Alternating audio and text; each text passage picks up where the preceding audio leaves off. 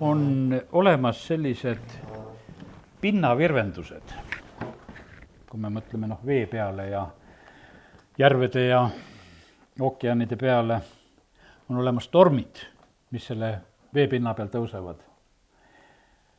aga seal vee all on ka hoovused ja siin maailmas on, ütleme, hoovused on üsna sellisel tähtsal kohal. Nad mõjutavad ilma, kliimat, temperatuuri, nad on tohutu võimsad tegelikult. kui tuul puhub, ütleme, mere peal, siis ta mõjutab vett kuskil maksimaalselt saja meetri sügavusele. et saja meetri sügavusel natukese veel haaratakse seda vett kaasa, kui on kõva lainetus ja sügavamale ta ei lähe, siis ütleme, et meie väikesed järved ja kohad ja noh, ütleme põhimõtteliselt nad on sellised, et teoreetiliselt nad võiksid olla nagu põhjani liigutatud, aga kindlasti see sada meetrit tuleb ka suure avaruse peal alles, nagu ütleme, suures meres tuleb alles nagu esile. ja, ja sellepärast nii see on, et on olemas need pinnavirvendused ja on olemas need hoovused, mis kannavad äh, väga palju vett. ja, ja need saadavad korda seda, mida mina tahan ja sain nagu sellise pildi, et meie elus võib olla, tead, meil võib olla igasugu tundeid ja mõtteid ja, ja sündmusi, mis päeva jooksul võib olla ja, isegi jumalateenistusel võib olla niimoodi, et noh, küsitakse, et kus sul valutab, kas siit või sealt või pane, palvetame ja pane käsi peale ja teeme ja, ja noh, ütleme ja, ja me, me nagu, see kõik on oluline ja vajalik, mis sünnib, eks aga sealsamas on tegelikult Jumalal alati üks suur plaan, mis on nagu sündimas. kui Jeesus elab siin selles maailmas, siis meie jaoks on noh, ütleme kõik need lood, et teeb seal veest veini ja toidab tuhandeid ja tervendab inimesi. aga see ei olnud peamine eesmärk, mida Jeesus tegi, kogu aeg ta liikus Jeruusalemma poole ristil viis ta täide, mis ta täide pidi viima. see põhihoovus nagu läks kogu aeg ühes suunas Need pinnavirvendused ja asjad, mis rahvas seal vahepeal vaimustuses ja vahepeal jätavad teda või see on, see oli kõik nagu ütleme, üks niisugune kõrvalasi, võiks ütelda. see oli oluline, aga see ei olnud see peaülesanne, mida Jeesus tuli siia sellesse maailma täitma. ja, ja sellepärast on see niimoodi, et, et see, see põhiline ja peamine asi tegelikult ka meie eludes peitub sügavamal. ja ise ma leian sedasi, et mul on nagu üks selline aeg jõudnud kätte, kus ma leian sedasi, et, et see, mis nagu toimub noh, on ka tähtis, aga ma leian sedasi, et kogu aeg on nagu seal üks olulisem ja tähtsam ja suurem plaan, mis on tegelikult käimas ja sellepärast need otsused ja asjad ja reageeringud ja kõik, mis iganes vahepeal võivad sündida, need tegelikult ei oma nagu sellist eh, nii märkimisväärset nagu tähtsust, kui, kui see üldine suund ja see asi, kus, kuhu see peab nagu liikuma. ja nii see on, et eks jumala sõna ütleb ka meile, et tarkus on sügaval, kui õpetuse sõnadest loeme, et seda kaevad ja otsid ja, ja otsitakse seda tarkuse asupaika. ja, ja see on nii ja nii oli see Jeesuse elus samamoodi ka, et oli seda välist, aga oli seda väga olulist, mida ta just viis täide siis Kolgata ristil. tervis, riided, see kõhusak täis, kõik on olulised. kuid kas meie oleme nagu sõltuvuses nendest välistest asjadest, mis meie ümber on? sageli see nii on meie usuelu on nagu väga sõltuv sellest, et, et noh, mis me nagu kogeme. Paulus ütleb selle peale, et ma oskan elada rikkuses ja vaesuses. see seda minu põhihoovust ei kõiguta. kas mu kõht on täis või tühi, aga ma teen sedasama asja kogu aeg. ma kuulutan kogu aeg sedasama sõnumit, mul ei muutu sõnum, et täna nutan ja haletsen, et ai, et kõht on tühi ja kuidagi halvasti ja paha tunne on ja et palvetage mu pärast. tead, ei, ta ütleb, ma olen rõõmus, ma olen rõõmus vanglas, ma olen rõõmus igal pool, tal on hea meel, kui ta eest palvetatakse, tal on hea meel, kui teda meeles peetakse, aga välised olukorrad ei muutnud ta sõnumit ja, ja tema ka teed ega tegevust ega minu tahte täideviimist. kui Paulus ütleb, et ma olen oma usu säilitanud, ta ütleb seda oma elu lõpul, siis tähendab, oli kahtlust, et võiks selle salata, võiks selle jätta, sellepärast et see tähendab, ta ütleb, et ma olen selle säilitanud. mul oli võimulas ja võib-olla oli isegi vahepeal tahtmist, et milleks see kõik see on. ja, ja sellepärast me teame sedasi, ta tahtis ära kas või saada siit maa pealt, et parem on taevas olla issanda juures kui siin maa peal. sellepärast, et see elu ei olnud tal sugugi kerge, mida ta elas. aga ta tegelikult viis ikkagi järjest täide seda, seda plaani, mida jumal tema käest ootas. ja ja see usk, mida ta siis elama pidi ja see usuelu, mida ta elama pidi, see ei olnud mitte kõige kergem tee kõik need võimalused ja võimaluste puudumised kasvatasid Paulust. ja lõpuks ta ütleb sedasi, et võtke mind eeskujuks. ja issand ütles mulle täna nagu nõnda, et, et seda ta ei kirjutanud enesekiituseks, vaid püha vaim andis need sõnad kirja panemiseks. et sina võid just niimoodi kirjutada, et, et võtke mind eeskujuks. vaja on tugevaid tööriistasid läbi aegade. Abraham, Mooses, Joosua, Gideon, Taavet, kõik prohvetid kuni Johanneseni välja. keegi ei täitnud neist ainult ilusat ja kerget ülesannet. võiduka õnnistuse tasakaaluks oli sügav kuulekus. et need võidukad õnnistused ja võidud on seal kas või Karmeli mäel, et see võit tuleks, sellele eelnes tegelikult sügav kuulekus. Need, kes on valmis minema kuulekuse teed, rajavad teed õnnistustele ja võitudele siin selles maailmas. ükski õnnistus ei tule siin maa peal kergelt. valuga sünnitatakse lapsi ilmale. sinu minijad on julgenud ka nii seda õnnistust rakendada, üheksa võrra juba. ja tahan, et teie kaudu see õnnistuste põhisuund ja hoovus jõgi voolaks see ei ole mõjutatud päevasündmustest ja meeleoludest, seda suunda saab hoida ainult sügavamalt otsides. tõusud, mõõnad, hoovused, kogu see loodu kannab minu sõnumit. selles on jõud, selles on eesmärk, selles on suund. nüüd natukese lugesin lihtsalt hoovuste kohta golfihoovus, noh, ütleme, et võib-olla kui hoovuste nimesid ütelda, siis võib-olla meile tuleb see kõige kergemini meelde, et selline hoovus on olemas, golfihoovus. kui see hakkab sealt kuskilt Florida kandist pihta, siis ta on selline võimas hoovus, eh, mis ühes sekundis kannab kakskümmend viis miljonit kuupmeetrit vett. ühes sekundis kakskümmend viis miljonit kuupmeetrit vett, kas lehmad saaksid joonuks, eks? saavad küll. ja, ja, ja see on kakskümmend korda rohkem kui kõik maailma jõed kokku, mis praegusel hetkel üldse siin maailmas kannavad, kakskümmend korda rohkem. see hoovus läheb veel suuremaks, sest et kui ta Antilli hoovusega saab kokku ja, ja siis on see niimoodi, et siis nad kannavad ühes sekundis kaheksakümmend kaks miljonit kuupmeetrit vett. selle hoovuse laiuseks on, ütleme seal, see oli minu meelest seal Florida pool oli seal seitsekümmend viis kilomeetrit ja, ja see veekiht, mis siis voolab, on seitsesada ja kaheksasada meetrit. et sellise, sellise mahuga see läheb kiirus on, ütleme, selle, selles piirkonnas on kümme kilomeetrit tunnis, liigub see asi niisuguse noh, päris korraliku kiirusega ka liigub. ja, ja siis ütleme, kui, kui ta jõuab sinna Newfoundlandi madalale, kus ta läheb palju laiemaks, siis ta on kakssada kilomeetrit lai ja, ja kiirus langeb seal poole võrra, ütleme nelja kilomeetri peale tunnis.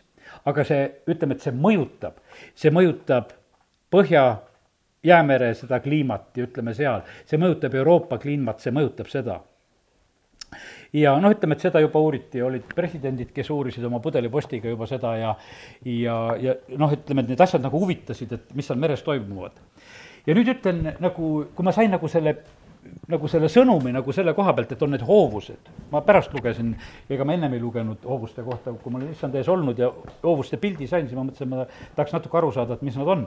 ja siis ma sain ühe huvitava asja teada, et mis hoovustega veel on. hoovused sünnivad äh, kolmest põhiasjast. temperatuuri vahest, et kus on soojem vesi, siis see liigub sinna külmema suunas, ütleme, et see on Eh, vastuhoovus tuleb põhjast ka, altpoolt tuleb vastuhoovus on, ütleme, mis tuleb siis jälle see külm vesi tuleb eh, tagasi teisele poole ka, nii et eh, ütleme, et temperatuur paneb liikuma. meie hoovus, me peame olema tulised vaimus, siis see liigub õiges suunas, läheb sinna Põhja-Jäämerre, kõik külmunud südamed sulatab ülesse, vaata, sellepärast issand ütleb, et me oleksime, et me peame olema siin. Järgmine asi, mis paneb selle mõju liikuma, on soolasuus vaata see vee erikaalu vahe, mida soolasem vesi, seda raskem ja see jälle läheb peale. Te olete see, selles maailmas soolaks ja sellepärast on see niimoodi, et vaata, see meie mõju, issand ütleski, et vaata, kõik see, mis siin selles maailmas on, see annab nagu pildi ka sellele, mida mina nagu vaimulikult näen ja tahan ja ootan teie käest, et, et kas või nende, nagu nende hoovuste näol. ja siis äh, äh üks äh, liik hoovusi on veel ja see on tuules. no ütleme, et meil on ka see pühavaimu tuul. see võiks rohkem puhuda, eks, et aga tuul puhub, kuhu tema tahab ja, ja võib-olla need, need hoovused võib-olla sellest tuulest, noh, ütleme, et need ei olegi nagu võib-olla need kõige võimsamad. vot ütleme, et see golfihoovus, millest me rääkisime, see tuleb temperatuuride vahest, see on see soe hoovus, mis sealt tuleb Floridast ja, ja tuleb selliselt ja suure mõjuga tuleb. ja, ja sellepärast, kallid, nii see on, et, et, et täna nüüd on niimoodi, et, et olen nagu sellise sissejuhatuse teinud, et on need suured, sügavad, võimsad asjad. ja siis on sellised äh, väiksemad, meie jaoks tähtsad ja nähtavad asjad. ja, ja kuidas siis nendes olukordades olla ja käituda ja nüüd me täna räägime veel kahest loost. põhimõtteliselt äh, räägime täna kahest naisest. teeme lahti kõigepealt Johannese evangeeliumi kaheksanda peatüki, esimesest salmist kuni üheteistkümnenda salmini on räägitud ühte lugu. Jeesus läheb Õlimäele aga Koidu ajal ta tuleb juba tagasi pühakotta ja rahvas tuleb tema juurde ja ta istub ja õpetab neid. ja sellel ajal, kui ta on seal õpetamas, kirjatundjad ja variserid toovad abielu rikkumiselt tabatud naise ja panevad ta sinna keskele istuma. ja nad ütlevad Jeesusele, õpetaja, see naine tabati abielu rikkumiselt, Mooses on seaduses käskinud niisugused kividega surnuks visata, mida nüüd sina ütled? aga seda nad ütlesid teda proovile pannes, et nad saaksid teda süüdistada. Jeesus kummardas ja kirjutas sõrmega maa peale. no ei oska seda ütelda, varajane hommikutund. Jeesus on juba seal templis on ja õpetamas ja, ja nüüd on nii, et tuuakse see abielu rikkamiselt tabatud naine, ma ei tea, kas olid kuskil varjatud kaamerad või kuidas see vahele võeti, aga igatahes nad selle teevad, selle üle mingit küsimust ja vaidlust ei ole, et kas see oli nii või ei olnud. Jeesus esimesel hetkel ei äh, ei tegele selle asjaga, ta kirjutab maa peale. vahest mõni võib-olla seletab, mis sinna maa peale kirjutati, kui noh, ütleme, aga otseselt sõna meile seda ei ütle, kui issand tahab ilmutada mõnele, siis ta ilmutab ja, ja me võime ka sellest siis rääkida, aga olgu, täna sellega ei tegele. Nad ei jäta rahule, et Jeesus ei reageeri ja, aga kui nad küsides peale käisid, ajas Jeesus enese sirgu, ütles neile, kes teie seast ei ole pattu teinud, visaku teda esimesena kiviga ja ta kummardas jälle ja kirjutas maa peale. ja seda kuuldes lahkusid nad üksteise järel vanematest alati ja, ja jäid üksnes tema ja keskel seisev naine. Venekeelsed tõlked ütlevad sedasi, et nende südametunnistus hakkas süüdistama, et seal on nagu kuidagi see sinna juurde lisatud, eesti keeles miskipärast seda ei ole. selles kuuekümne kaheksanda aasta tõlkes on, aga ma vaatangi, et osades tõlgetes on need juba siin mingid muutused. Jeesus ajas enese sirgu ja ütleb siis talle, sellele naisele, naine, kus nad on? kas keegi ei ole sind surma mõistnud? tema ütles, ei keegi, issand. Aga Jeesus ütles, ega minagi mõista sind surma, mine ja nüüdsest peale ära enam tee pattu. vaata, minu jaoks oligi nüüd siin nagu see samasugune lugu, et on nagu mingisugune sündmus, no kellegi eksimus, no kõik maailm on neid eksimusi täis valetavad, varastavad, rikuvad abielusid, teevad kõike värki, ütleme, et, et nendest sündmustest ei ole ühelgi päeval puudu. Neid on kohutavalt palju. aga nüüd on niimoodi, et, et äh, nüüd tõmmatakse sealt nagu see üks sündmus tõmmatakse välja ja tuuakse Jeesuse ette, et Jeesus, sina ütle selle koha pealt, tee siin praegusel hetkel mingisugune otsus ja, ja me näeme, et Jeesus lahendab selle asja väga huvitavalt ja väga hästi. ja nüüd, mis seal sünnib, seal sünnib palju suurem asi alguses oli küsimus, et selles ühes naises, kes on pattu teinud. ja järgmine hetk on niimoodi, et kõik peale Jeesuse on pattu teinud. Sest et kõik olid tegelikult süüdi. mõned sellised sõnad, mis ma olen kirja pannud siin ühel hommikul. andestaja mõistab ka andestades süüdi, kellele ta andestab. kui me andestame, siis me juba lepime sellega, et keegi on eksinud. hea küll, ma annan andeks. aga see on niisugune hea variant, sa ei pea teisele ütlema, et kuule, sa oled süüdi see lihtsalt kaasneb selle andestamisega. vaata, kui jumal meile andestab, siis me, jumal tunnistab, et me oleme süüdi, et me vajame seda ja kui me küsime seda andestust, siis me tunnistame ise ka, et meil on seda vaja, nii et, et see on niisugune süüdi olemise eh, variant. ütlesin naisele, et ma sind süüdi ei mõista, sest sa oled süüdi sind ei ole vaja süüdi mõista, sa oled süüdi, sest ta lõpetab selle jutu, ta ütleb sedasi, et, et äh, mine ja ära enam tee pattu. Küsimus ei olnud selles, et Jeesus poleks seda süüdi mõistnud, ütles, et süüdi oled, aga nüüd edasi on nii, et ära enam tee. siin, kui täpsemalt lugeda, siis me võime nagu märgata seda, et jutt on nagu sellest surmamõistmisest, nagu see eestikeelne tõlge siin ka on. et noh, et ütleme, et see kividega viskamine ja et noh, süüdi niikuinii, aga kas sellist surmaotsust täide viia, ma olen ikka vahest noh, ütleme selle koha peal vaide, vaielnud ja ma tean, et see on niisugune täbar teema, inimestele see ei meeldi. sest et kui tegime parteid ja, ja siis oli vahest arutusel see, et, et noh, karistusseadustik, et kas surmaotsus peaks olema näiteks Eesti riigis või ei ole. Euroopa Liit on noh, võtnud ja ütleme, et see maailm nagu nõuab, et, et surmaotsust ei tohi olla, et see on väga ebahumaanne, et seda ei tohi olla kurat seisab selle väga taga, kes tahaks ütelda, et surma ei ole, ise külvab surma igal pool. aga, aga ta tahaks, et nagu seaduse näol seda ei oleks. minu seisukoht oli, nagu alati on praegu ka see täpselt seesama, surmaotsus peaks olema seadustikus, paragrahv üks, patupalk on surm. piiblist võetud ja kirjutatud, patupalk on surm. aga vaata seda surmaotsuse täideviimist, vaata, sellega on teine lugu. aga nüüd ütleme kurjategijale, noh, ütleme, kui ta teeb, teeb kuritegu siis kuidas saab ütelda sedasi, et surma ei ole? me teame küll neid, need, kes teisi tapavad, on siin vanglates vahepeal kinni. Nad tapavad vanglas ka veel edasi teisi ja siis ise ütled, aga mind tappa ei tohi sest seadus ütleb, tappa teid ei tohi. mina võin teid nii palju tappa, kui tahan, aga, aga vaata, seadus kaitseb mind, et mind tappa ei tohi. ja me teeme niisugused eh, jaburad seadused ja ütleme, et me tegime targasti. ja, ja, ja need on niimoodi, et tulistavad ümberringi kõik maha, ütlevad, aga mind ei tohi puutuda. sest et seadus ütleb, et surmanuhtlust ei ole Jeesus ütleb samamoodi, et sellele naisele, et jah, süüdi. ja ta suudab tegelikult vaata selles loos, ütleb nendele variseridele ja kirjatundjatele, ütleb sedasi, et kes on ilma patuta, olgu esimene kiviviskaja. ja kõik tunnistavad ennast süüdi. kõik selles loos jäid süüdi. kõik lahkuvad sealt vaikselt ja sellepärast, kallid, vaata, jumala käest tuleb see tarkus, kuidas keerukaid olukordasid lahendada kuidas, kuidas nagu ütleme, meie ka samamoodi vahest mõtleme, et kuidas mõnele keerukale küsimusele vastata ja ja, ja kallid, see tuleb Jumala käest. ja, ja sellepärast meil on Jeesusest õppida seda. ja, ja see on noh, ütleme, et see on tehtud nii, eh, nii ausalt, et siin ei ole ka mitte mingisugust noh, ütleme, eh, kompromissi tehtud. Jeesuse kaudu tuleb arm ja tõde tuleb siia sellesse maailma meile antakse armu, arm on jälle samasugune asi, et eksinud oled, saad armu tõde on see, et süüdi oled. armu vajab see, eh, kes on süüdi ja armupaluja tunnistab end süüdi ja armuandja tunnistab süü olemasolu ja arm ja tõde tulid siia sellesse maailma, tulid Jeesuse kaudu. ja nüüd ongi niimoodi, et, et põhimõtteliselt on see nii, et see tõde võiks ütelda, et see on diagnoos. ja, ja arm on siis see ravim.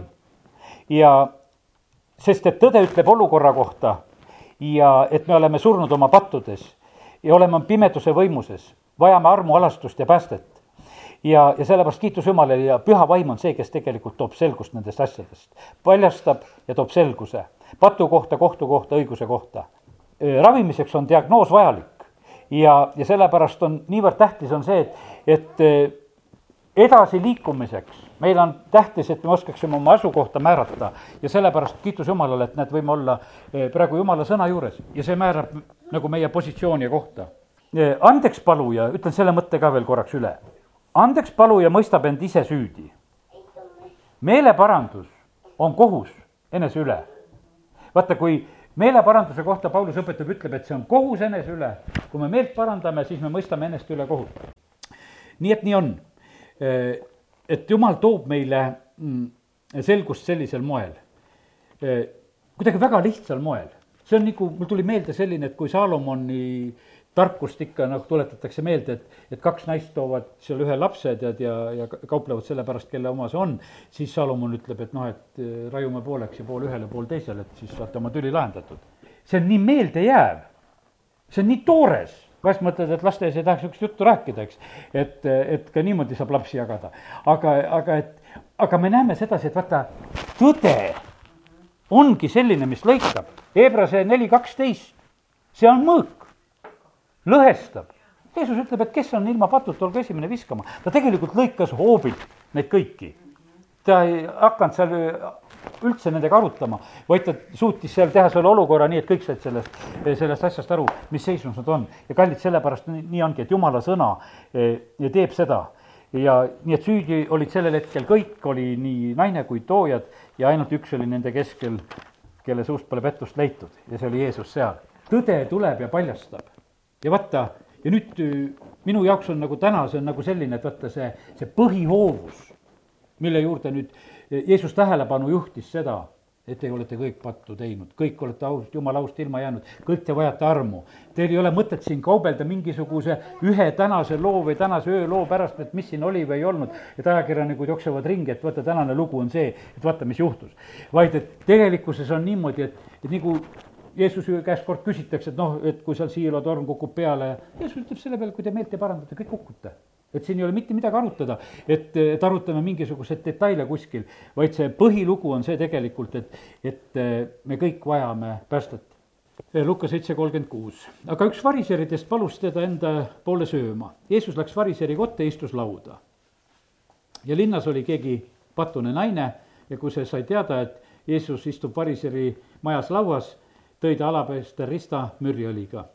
no pange tähele, millised need mõlemad lood on, et tegelikult on niimoodi, et äh, leitakse, mõlemal korral leitakse üks patune linnas oli üks patune naine, see tuli seekord ise, eelmine kord oli nii, et oli vaja tuua. aga noh, umbes suhe on täpselt seesama, et muidu tore linn, aga üks patune naine ka. aga kui see lugu hakkab edasi arenema, see naine tuleb oma väga kalli õliga ja ale, alapaste ristaga ja ja astub siis tema taha, ta jalgade juurde, hakkas nuttes tema jalgu kat-, kastma pisaratega ja kuivatas neid oma juustega, suudles tema jalgu ja võitis neid mürjõliga. no praegusel ajal oleks see niisugune ahistamine, mis ahistamine, et keegi kedagi üldse puudutada ei julges või no ma ei teadnud, et see oleks jälle üks niisugune kur-, kurjategijate lugu ainult, et mis siis võiks olla. variser kes teda oli külla kutsunud, kui ta seda kõike näeb, ta veel nii tark ei ole, ta ei oska nendest ahistamistest rääkida, aga tema ütleb sedasi, et noh, kui see Jeesus nüüd mingi prohvet oleks, küll ta siis ära tunneks, et missugune see naine on, kes teda puudutab, et, et patune. Jeesus hoopis tundis ära, mida see variser seal mõtleb ja, ja siis ta hakkab rääkima. Jeesus ütles talle, Siimon, mul on sulle midagi ütelda. pane tähele, jälle on see nagu noh, ütleme nagu selline üldine lugu, see võiks ütelda niisugune pinnavirvendus. mingisugune lugu käib, et äh, Jeesus on kuskil, kuskil külas ja keegi veel tuleb ja keegi kuidagi käitub naljakamalt natukene ja võib-olla väga raiskavalt käitub ja no niisugune tead, tekitab nagu mingisuguse tähelepanu. ja, ja nagu tähelepanu läheb selle peale ja, ja siis arvustatakse ja mõeldakse, et ah, kes ta on või milline ta on ja no on selline teema. aga me näeme sedasi, et Jeesus ei lasku absoluutselt selliseid asja lahendama. ja sellepärast, kallid, nii see on, et me võime olla jumalateenistusel. me võime osa saada selle jumalateenistuse pir-, pinnavirvendustest. me võime saada hingeliigutustest osa, me võime saada sellistest mingisugustest puudutustest osa ja kuskil käis kõdi või asi ja noh, ütleme, et me võime vahest saada sedasi, et kuule, jumala vaim puudutas ja, ja kõik on hea aga ma ütlen selle kohta täna nii, et need on kõik pinnavirvendused. sellepärast, et kui me nagu sellele asja olemusele pihta ei saa, vaata, kui tõde meid vabaks ei tee, siis, siis me olime lihtsalt niimoodi, et natukene oli ja läks mööda ja järgmine kord ootame jälle, et oleks jälle no midagi.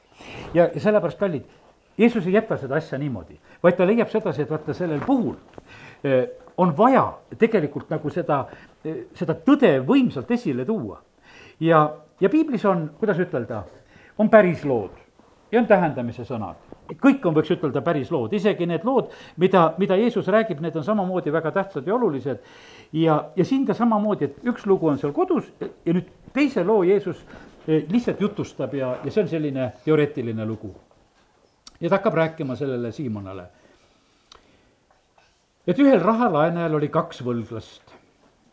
ta oli niisugune küllalt kitsi rahalaenaja, ainult kahele inimesele laenas ja teistele ta laenu ei andnud, niisugune väiksem laenukontor oli. Ja siis oli niimoodi, et üks oli võlgu viissada teenarit ja teine viiskümmend, nii et kokku oli pandud mängu viissada viiskümmend teenarit. aga kuna neil ei olnud maksta, ikkagi need, ütleme, ei olnud hästi kontrollitud võlgnikud ja näed, nad ei olnud ikka suutelised maksma, siis on niimoodi, et kustutatakse mõlema võlg.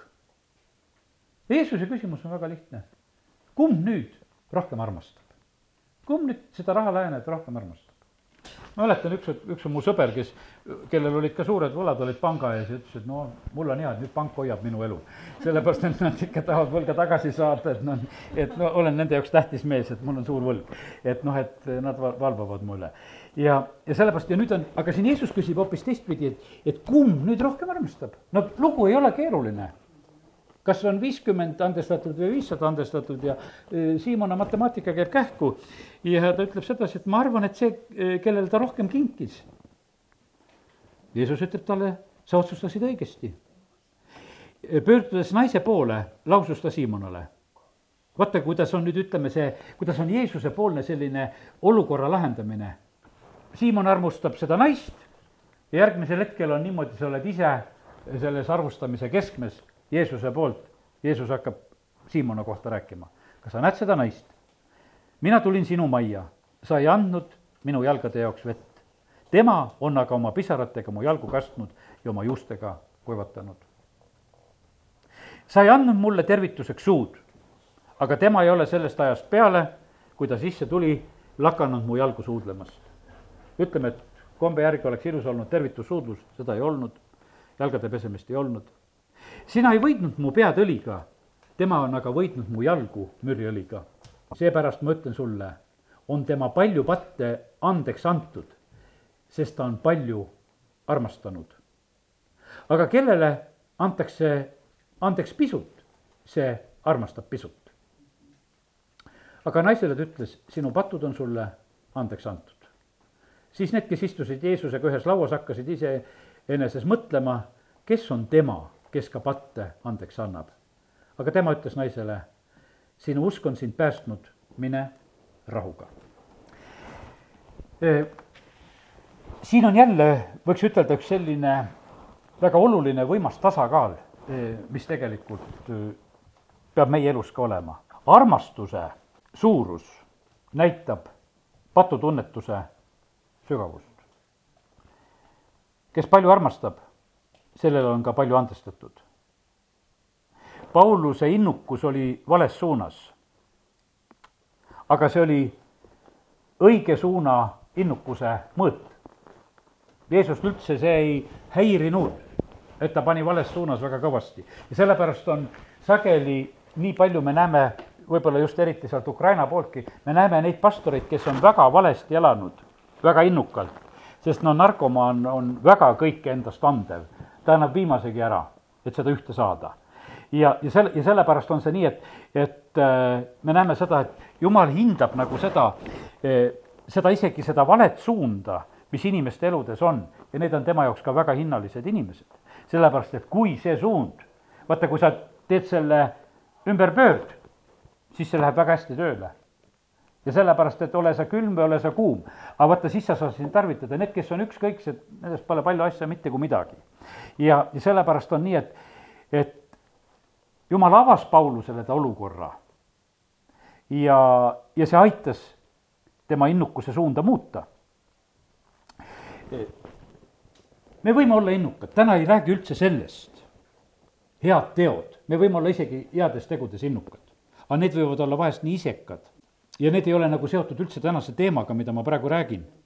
Nendes tegudes ei ole armastust, ei ole patutunnestust, vaid võiks ütelda, et nendes heades tegudes on isegi patu tegemine, sest et kui sa endale tahad sellega nime teha, see on silmakirjatsemine ja, ja see on patt, mis üldse tuleb maha panna nii et absoluutselt me ei, täna ei mõtle nagu seda ja sellepärast, kallid, meil on selline jumal, kes tõmbab asjad lahti, kes avab meile.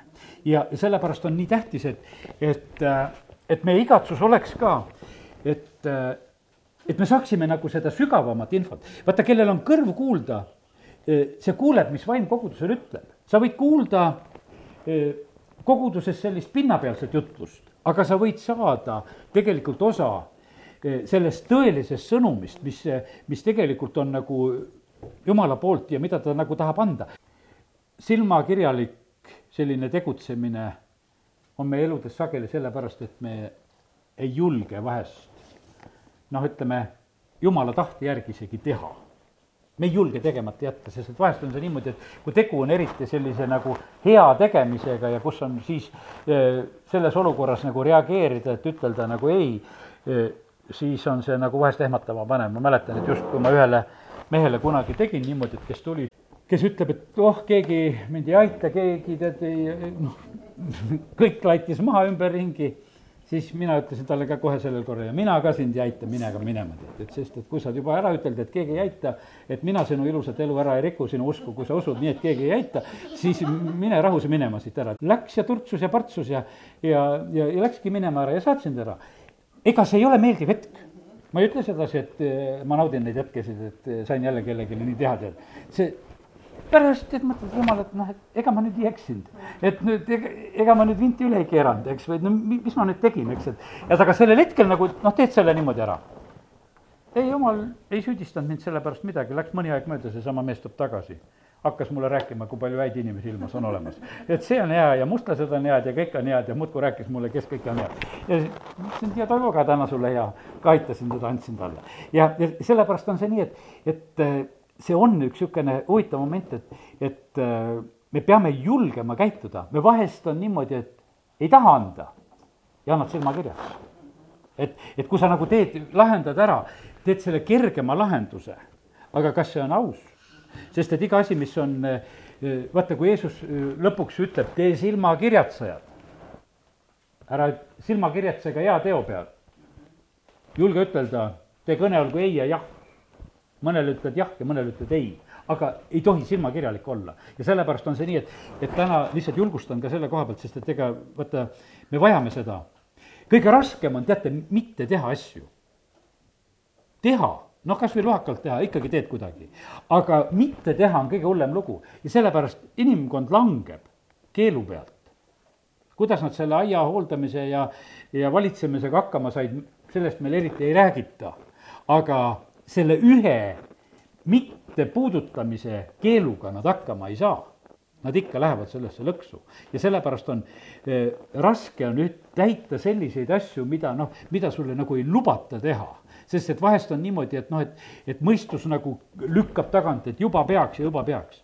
ja sellepärast on see nii, et, et eh, ärme tee asju silmakirjaks. nii et ära suhtle silmakirjaks. Eelia pidi end näitama Ahabile siis, kui võit oli lähedal. muidu oli niimoodi, et prohvetina see ei ole prohveti koht lihtsalt kuskil rahva eest peidus olla, eks sa lähed ära kuskil, oled peidus mingis Kriti jõe juures või mingi lesnaise juures elad ja, ja sul kolm pool aastat läheb sedasi tühja, tead niisugune tunne, et mis asja sa seal kökitad, eks. et eh, manitse rahvast ja käi ja kuuluta midagi, et noh, et aga ei, aeg on selline, oled peidus ja pead kannatama selle aja, et, et sa ei tüki rahva hulka isegi sellel hetkel Jeesus pidi ootama aega, millal ta läheb Jeruusalemma. jüngrid ütleme, lähme pühadeks, Jeesus ütleb, teie aeg on alati soodus, minge, kui tahate. aga mille pärast Jeesus ei saanud minna? sellepärast, et tema ei käinud selles päevavirvendustes, vaid ta läks selles hoovuses, mis pidi lõpuni olema täide viidud ja ta ei, ta ei käinud sedasi, et kuule, et kõik täna panevad sinna, et igavene põnev, ei ta ütleb, teie lähete, mina tulen siis, kui minu aeg. ja ta tuli ka, eks. mille pärast peab nagu sellist asja ootama. vaata, see on küpsemise aeg, kui me noh, mingit asja nagu ootame ja oleme. varem ahjust välja võetu ei ole küps. ahelad ei ole veel ära põlenud, see oli väga huvitav, eile niimoodi, Aino jutlustab Võrus, mina ei tea, mida tema jutlustab, mina kirjutan Riias samu sõnu ahelate ärapõlemisest. osade inimeste elus ei põle ahelad ära. Nad jäävad ahelatesse, sellepärast et me aitame need alati ahjust välja varem sest ahelad veel ära ei põlenud. ahju visatakse koos ahelatega, aga ahelad peavad ära põlema siis said need mehed ahjust välja. ja sellepärast me oleme vahest niimoodi, et, et me oleme liiga kiired inimestele kätt alla panema ja aitama ja tegema ja, ja siis on ikka niimoodi, et vaatame, et ikka nad on käsist ja jalust seotud, nad ei ole vabaduses. ja, ja sellepärast on see niimoodi, et aga jumalal on kannatust küll, meid ahjus nii kaua pidada, kui ta vaatab, et kõik ahelad su küljest ära põlevad, et vaba oled ja siis tuled välja. jumalal on aega sind vanglas hoida nii kaua, kui, kui sa tuled välja, et sul ühtegi pretensiooni on Joosep tuleb vanglast välja, tal ei ole mitte ühegi inimese peale pretensiooni. sõna on niisugune, tead, täna, et näed, et kui on pretensiooni, oled veel vanglakandidaat, oled veel ahjukandidaat, mina kaasa arvatud. kui on pretensioon, siis kohe see tuletab sedasi meelde, et ainukene hea koht on vangla ja, ja ahelad ja ahjus olemine. aga kui, kui see saab mööda, siis saad vabadusse. Iisraeli rahvaga läks nelikümmend aastat niikaua, kui kõikide ahelad, need aheldatud, võiks ütelda, kes olid ahelates, need said tegelikult maetud, ega need oma ahelatest lahti ei saanudki, jäidki sinna kõrbe rändama. ja alles siis sai rahvas vabalt edasi minna. ja siis issand küsib mu käest sedasi, et kas sa oled valmis seda rääkima sellel tunnil, mida ma sulle annan. ma usun, et meil on vahest olnud rõõmus, et püha vaim tuleb ja me räägime sellel tunnil, ta annab sõnad ja me muudkui räägime. kas sa tahad rääkida neid sõnu? me alati kujutame ette, et siis me saame ühed imearmsad sõnad, et jumal armastab sind ja õnnistagu sind. aga tead, aga see, see ei ole alati niimoodi, et sa saad, sa pead kellelegi ütlema nii, nagu Jeesus räägib need lõikavad jutud ära. või noh, ütleme, et see on selline, et kuule, et no mis sa hakkad külla kutsujad ütlema, et kuule, jalgu ei pese, pead ei võia, suud ei anna, no tulin su juurde. no vaata, kas sa tahad sellist juttu rääkida? kui sa tahad issandale olla kuulekas ja kui jumal annab sulle sõna, siis tuleb neid sõnu rääkida. see on eh, issanda usaldamine, vaata, see on, eh, see on tegelikult teistele võimaluse pakkumine sest et kui meie seda võimalust ei paku, kui me noh, ütleme teisiti käitume, eh, siis on see tegelikult kohutav. ja, ja sellepärast, kallid, näete, eh, kui, eh, kui tõsise sõnumiga jutt on. ühe asja ütlen teile veel. piibel meil on ära nummerdatud. täna mõtlesin niimoodi, et meil peaks piibel olema teistmoodi nummerdatud, aga no mina ka seda enam muuta ei saa, see on juba nii ammu ära tehtud.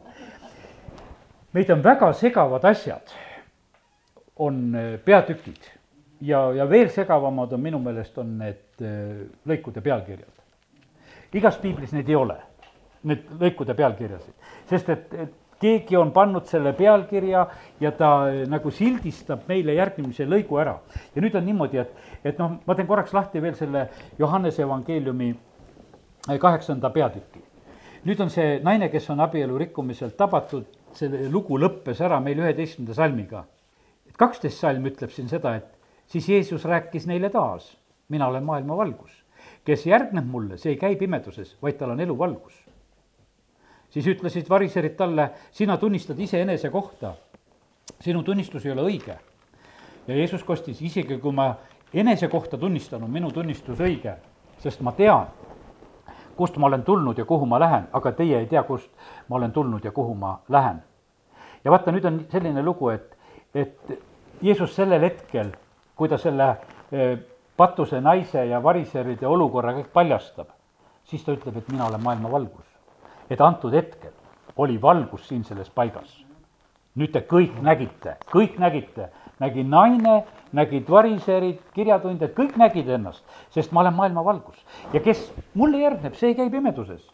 ja, ja see on eh, selline, kuidas ütelda, et see selline tark lahendus, kallid meie jaoks on need targad lahendused olemas, kui me käime koos Jeesusega. meie kohta eh, kehtib lugu, mis on esimesest salmist üheteistkümnendani, eh, et meie oskame ka, ütleme, sellises situatsioonis Jeesuse moodi käituda targad lahendused ja sõnad tulevad tema käest, et me oskame neid ütelda. sest et kui me järgime seda Jeesust, siis on meil võimalikes olukordades, oskad töö juures ütelda oma töökaaslastele, nii et see paljastab ja armastab ja, ja selgitab ja, ja noh, ja on õnnistus. sellepärast, et kui see tuleb nagu ütleme targalt, siis on kõik nagu olemas. ja, ja sellepärast on nii, et ja, ja need variserid eh, on nagu segaduses, et aga kuidas sa julged? tead, mille pärast julged? sellepärast julged. et küsid Jumala käest. ma tean kustkohast ma selle sõna saan. ma tean, kui ma jutlustan, et ma sa-, kui ma sain selle issanda käest. kui ma selle ise välja mõtlesin, siis kaitse seda sõna oma jõuga. aga kui ma sain selle issanda käest, siis mul ei ole mitte mingit probleemi, ma räägin selle ära ja lõigaku või lõhkugu või hävitagu või tehku mis tahes see on, selles ei ole mitte mingisugust küsimust, sellepärast et seda tähendab, on sellel hetkel vaja. issand ainult küsib, et, et kas sa oled seda valmis, seda sõnumit siis ütlema, kui ma sulle seda annan. sest selles on tegelikult vahest väga raske ja, ja suur pinge. nii et, aga Jeesus ise seda tegi, ta absoluutselt ei häbenenud seda teha. ma teen lahti Johannese viieteistkümnenda peatüki. Ja meil on väga ilus lugu sellest viinapuust ja jälle siis tuleb vahel pealkiri, kus viinapuu lugu ära lõpeb ja meil on räägitud, et kõik peavad kõike armastama, et armastage üksteist ja lapsed üksteist, armastage, Jeesus armastab meid ka. Ja oli lapsepõlves mul selline laul ja minul oli kogu aeg niimoodi, et lapsed üksteist, mul tuli kogu aeg number üksteist meelde. lapsed üksteist, et üksteist last, et armastage ja, ja kuidagi alati oli see kokku. ei, vaata, need laulusõnad on vahest no nii vahvad, et mul lapsepõlvest olid need, et üks, teine laul oli veel seda, mida ikka vahest olid, siin me tähtsusetud taevas laulame, aga, aga siis siin me tähtsad setud taevas laulame, tead et no nii, et igaüks saab oma rõõmu kätte, tead, kuidas sa seda laulu näed ja kuuled, eks. Aga, ja siin on ka, et selle käsu ma annan teile, et te üksteist armastate ja eesti keeles on see üksteist, üksteist. ja siis edasi Jeesus räägib hoopis kohe sedasi, et kui maailm teid vihkab, siis teadke, et ta on enne mind vihanud. enne teid on ta vihanud mind. viitan ainult mõnele sellisele salmile, sest ma täna lugesin, ma sain siit üsna palju, aga teile annan siit ainult üksikud ivasid. kakskümmend üks. Seda kõike nad teevad teile minu nime pärast. ta räägib seda oma jüngritele, sest nad ei tunne teda, kes on minu saatnud. Nad teevad seda minu nime pärast, mida see nimi kandis? Jeesuse nimi kandis Jeesuse loomust, iseloomu, positsiooni, tema soovisid, tema tegusid, no ütleme, kogu Jeesuse olemust kandis see, tal nimel tähendus ka veel, eks. ja, ja sellepärast, ja nad teevad seda kõike siis teile samamoodi selle nime pärast. siis Jeesus ütleb sedasi, et aga et ma saadan teile kakskümmend kuus salm. ma saadan teile lohutaja, kelle ma teile siis saadan isa juurest. kui lohutaja tuleb, kelle ma teile siis isa juurest saadan, no tõevaim, kes lähtub isast, siis ta tunnistab minust. ta saadab selle eestkostja, kaitsja, advokaadi, lohutaja, trööstija. see, see ei ole, kuidas ütelda, see ei ole selline, et lohutamine, et, et oh, et pole midagi, tead. me sageli lohutame niimoodi inimestele, ütleme, oh, pole midagi, oh, pole midagi. aga me näeme sedasi, et Jeesus ütleb, et aga ma saadan selle, kes sinu eest kostab, kes sind trööstib, lohutab, see ei ole mingi lohutus, et ah, sul pole häda midagi, et ära nuta. vaid et see tõevaim tuleb ja, ja tegelikult ta Eh, tuleb täiesti selliselt aitates, et eh, kuusteist üks on üteldud sedasi, et seda ma olen teile rääkinud, et te ei komistaks. see on jälle see skandaliiso, kui teil on siin meeles, et ma nendest skandaalidest hiljuti rääkisin, et, et meil ei oleks seda skandaali ette nagu hoiatatud, Jeesus räägib, ma ütlen, et täna ma rääkisin mingisugustest pinnavirvendustest ja hoovustest. no ma ei tea, millal tal seda vaja on aga ma usun seda, et ühel hetkel sul on seda vaja, kus sa saad asjast aru, et, et midagi toimub nagu kuskil kergelt. aga see tõeline suund, ma ei tohi seda kaotada. Et need äh, asjad ei tohi, ja sellepärast Jeesus ütleb ma olen rääkinud, et see ühel hetkel oleks teil tegelikult meeles, et te ei komistaks. ta ütleb, et et nad heidavad teid kogudusest välja. meil on praegu väga raske lugeda, meid ajab segi, et, et nii kui meid pannakse kogudusest välja, me võime vahest lugeda, teate, kus kohas see oli jutt, siin kogu aeg on niimoodi, sünagoogist pandi välja seal mitte Kristuse koguduses, sünagoogist pannakse välja. Nad olid enne kokku leppinud, et kes Jeesus tunnistab, et selle paneme sünagoogist välja. Aga noh, eesti keeles on see kogudus äh, pandud siia ja meil ajab see nagu võib-olla segadusse, see ei ole eklesia, see on sünagoogist, on siin juttu. ja Jeesus nagu hoiatab ja räägib neid asju, ta ütleb, et, et äh, neljas salm siit, kuid seda ma olen teile rääkinud, et kui see tund tuleb, siis tuleks teile meelde, mida ma teile olen öelnud. Et see, seda te vajate nagu ühel hetkel, sest kui tuleb see aeg, kui tuleb see olukord, siis te tegelikult eh, eh, mõistate, siis kui mind ei ole enam, et aga keegi ei küsi nüüd enam minu käest seda, et, et kuhu sa lähed. paar peatükki eespool on sedasi, Toomas kohe küsib, et kuhu sa lähed. Jeesus siis selgitab, kuhu ta läheb. ja kallid, sellepärast me näeme, et siin on niisugune huvitav tõe tee peal ka kasvamine, et millest ta räägib. ja siis ta ütleb sedasi, et aga ma tean seda ka, et see, mida ma olen praegusel hetkel teile rääkinud, see toob teile kurvastust. kuusteist kuus. kuid et ma seda olen teile rääkinud, siis on kurbus täitnud teie südame. noh, see mõte on just see, et, et te olete kurvad nende sõnade tõttu. vahest me peame sellised jutlused, mis kurvastavad rahvast ja siis Jeesus räägib edasi, ütleb, ma ütlen teile tõtt, et see on parem, et ma lähen ära. ja et see püha vaimu aeg on väga hea, sest püha vaim tuleb, mis ta tuleb? ta paljastab, ta süüdistab. ta toob nagu avastuse ja selguse, arusaama, toob patu koha pealt. meile meeldib püha vaim. keegi tuleb sisse, kõik arvustate teda, kes sisse tuli. no kas meeldib? ei meeldi. vaata, aga püha vaim tuleb ja ta täidab seda, seda ülesannet siin selles, selles maailmas see on see esimese Korintuse neliteist kakskümmend neli, kus Jeesus õpet-, või see Paulus õpetab ja räägib sellest püha vaimu anditest, et patun tuleb sisse, te kõik arvustate. karm värk, eks. ja patu kohta, eks, selle süü kohtu, üleastumise kohta, pahategude kohta ja ja, ja vaata, ta toob nagu sellise selguse selle kohta, vaata, see on nagu raske, Hitler eksis, ütleme, juutide ees, aga Saksamaa rahvas palub andeks. No see on, see on selgus patu kohta, süü kohta, ülekohtu kohta, mis on tehtud ja ta toob selguse õiguse kohta sellise seaduslikkuse kohta ehk õigustuse kohta üldse, et kuidas me üldse nagu olla saame ja, ja kohtu kohta. siin on räägitud, meil on alati nagu hea kohe siin tunda sedasi, et see puudutab nagu selle maailma vürsti, eks, et tema üle on kohus mõistetud. aga põhimõtteliselt on vaata see kohtu kohta, et meil on kriis käes. kohus on kriis.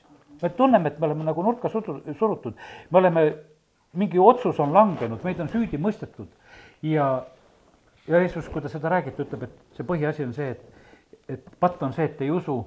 ta räägib sedasi, et õigus on see, et ma lähen isa juurde. vaata, meie õigus on samamoodi ka sinna minna. et, et ei näe enam mind.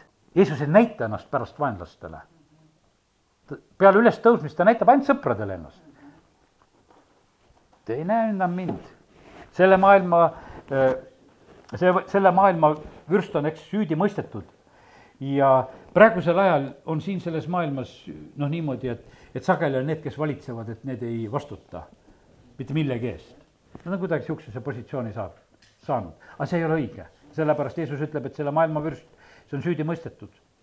ja, ja siis ta ütleb, et mul on veel palju öelda, aga selleks pole veel aeg. Ja sellepärast täna, kui ma olen ka seda juttu rääkinud, siis on kindlasti, on see väga erinevalt, et kelle jaoks on see aeg. aga lõpetan nagu selle eh, tänase nagu selle mõtte sellega, et kolmkümmend kolm salm sellest kuueteistkümnendast ütleb sedasi, et seda ma olen teile rääkinud, et teil oleks rahu minus. maailmas ahistatakse teid, aga olge julged, mina olen maailma ära võitnud. ja Jeesus räägib tegelikult seda kõike, seda juttu võitja positsioonist.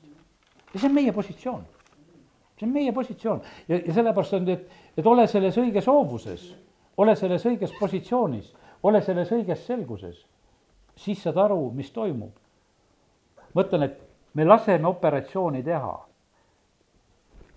kui meile saab selgeks, et see pimmersool on vaja välja lõigata.